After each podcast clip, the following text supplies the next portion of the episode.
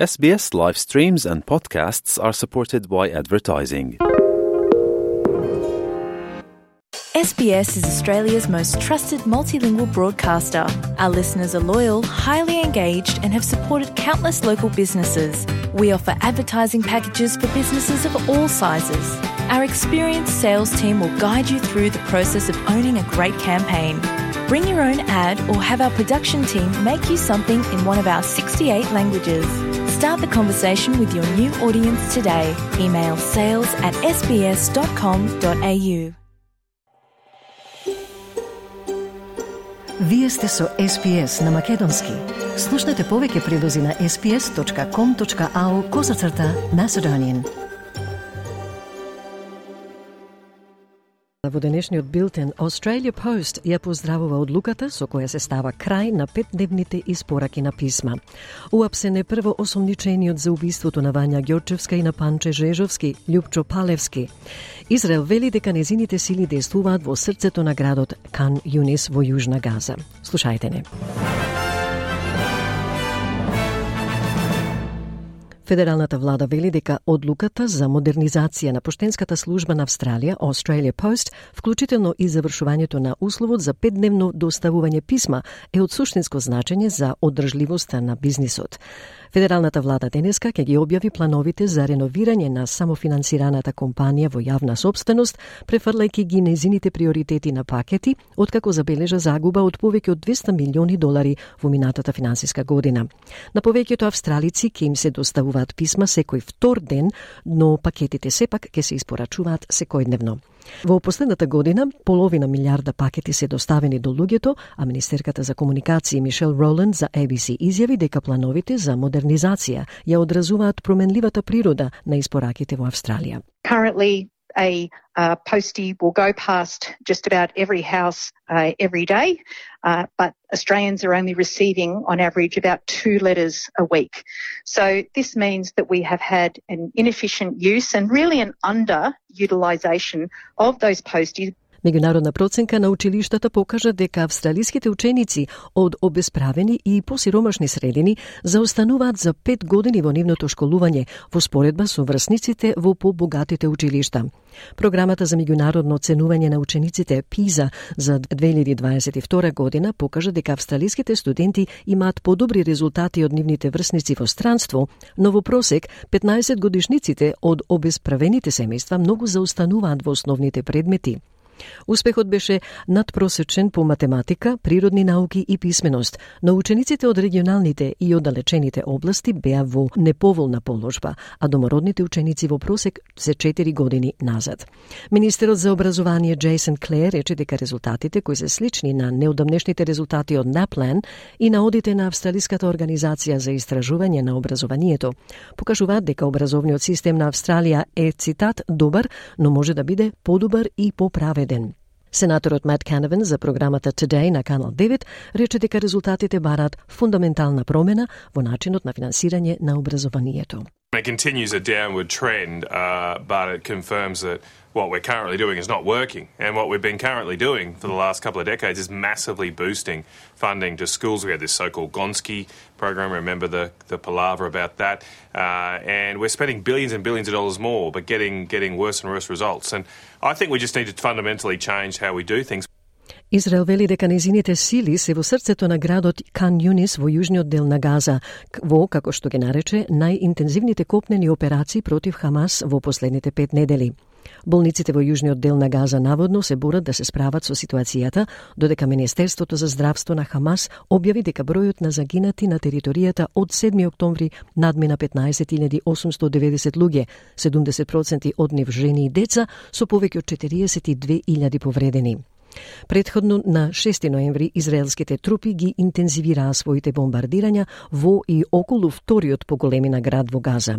Додека САД извршува притисок да се спречат дополнителни масовни жртви во конфликтот со Хамас, Израел тврди дека действува попрецизно во проширувањето на својата офанзива во јужниот дел на Газа, откако уништи голем дел од северот. Началникот на генерал штабот на израелската војска Херзи Халеви изјави дека неговата земја преминала во третата фаза од копнените операции во Газа. We are deploying our ground forces into combat with powerful and precise support of fire and intelligence with a high level of accuracy. Our forces engage with many terrorists, target them effectively in an impressive manner. Австралиски државјанин заробен во Газа апелираше до австралиската влада за помош.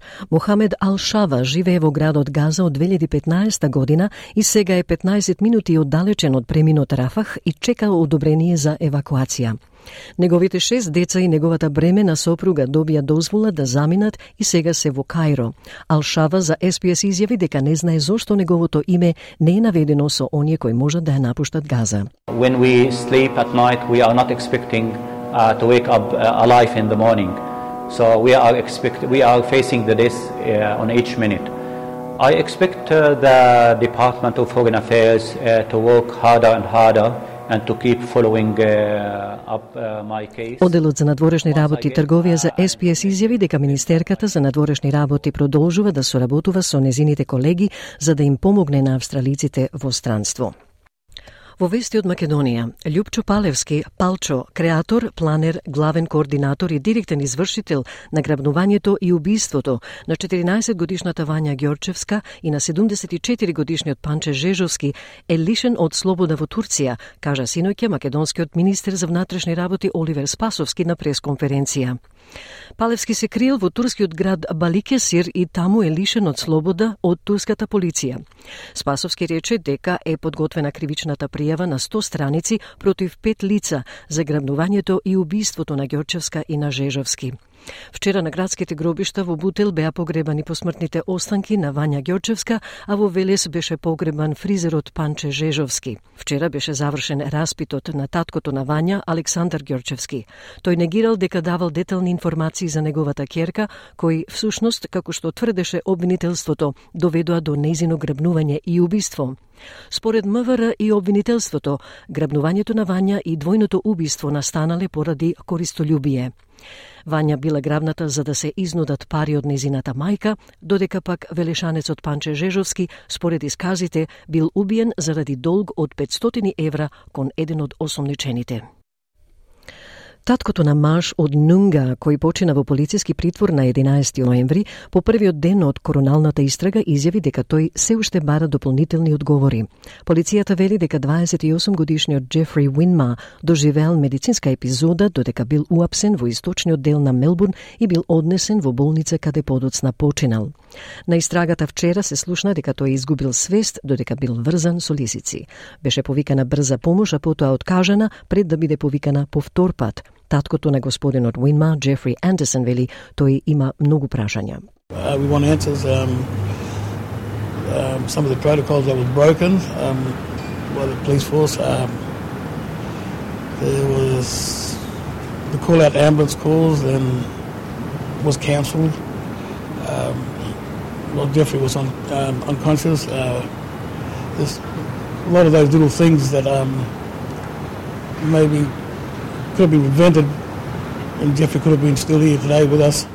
Федералниот благаник Джим Чамас вели дека супермаркетите ќе треба да докажат дека се однесуваат праведно со своите клиенти, додека се подготвуваат да се соочат со истрага на Сенатот за зголемување на цените. Господинот Чамас вели дека истрагата која беше инициирана од зелените има целосна поддршка од федералната влада. The supermarkets have got a really important role to play here and we want to make sure that they're doing the right thing by their customers. Uh, we support the parliamentary inquiry. Uh, we're in favour of more transparency.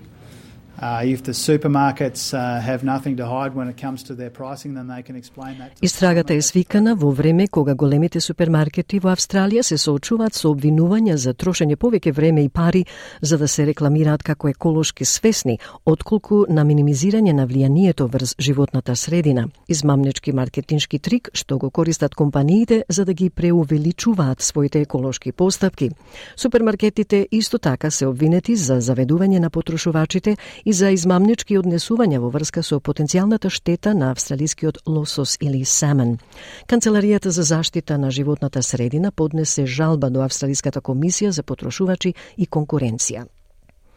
Една нова студија на Suicide Prevention Australia го открива сериозното влијание што финансискиот стрес го има врз менталната благосостојба на една клучна ризична група.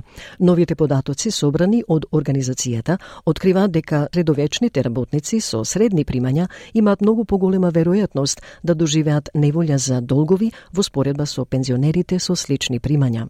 Студијата покажува дека повеќе од половина од австралиските работници со средни приходи пријавиле зголемена неволја поради трошоците за живот и личните долгови во декември 2023 година во споредба со 42% ова време минатата година. Шефот на Организацијата за превенција на самоубиства Suicide Prevention Australia, Нивс Мари, вели дека бројките се загрижувачки. Every generation has different pinch points. Uh, what we are seeing, however, is that the most productive in our community, that middle age group, um, many of whom will have mortgages, are the ones that are feeling the distress most. We've, th- we've seen an increase. Слушателите кои бараат поддршка за менталното здравје може да контактираат со Lifeline на 131114, со Beyond Blue на 1300 224 636 или 13 Јан на 139276.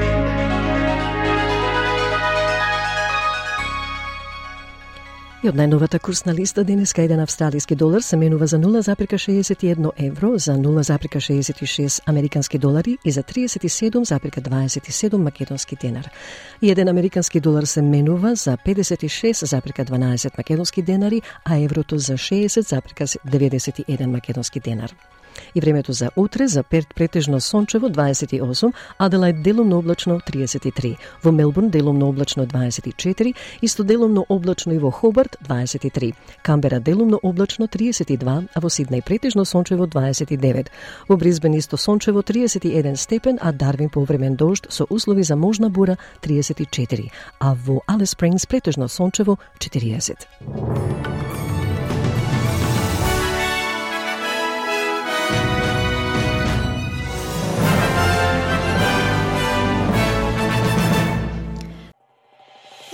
Сакате ли да чуете повеќе прилози како овој?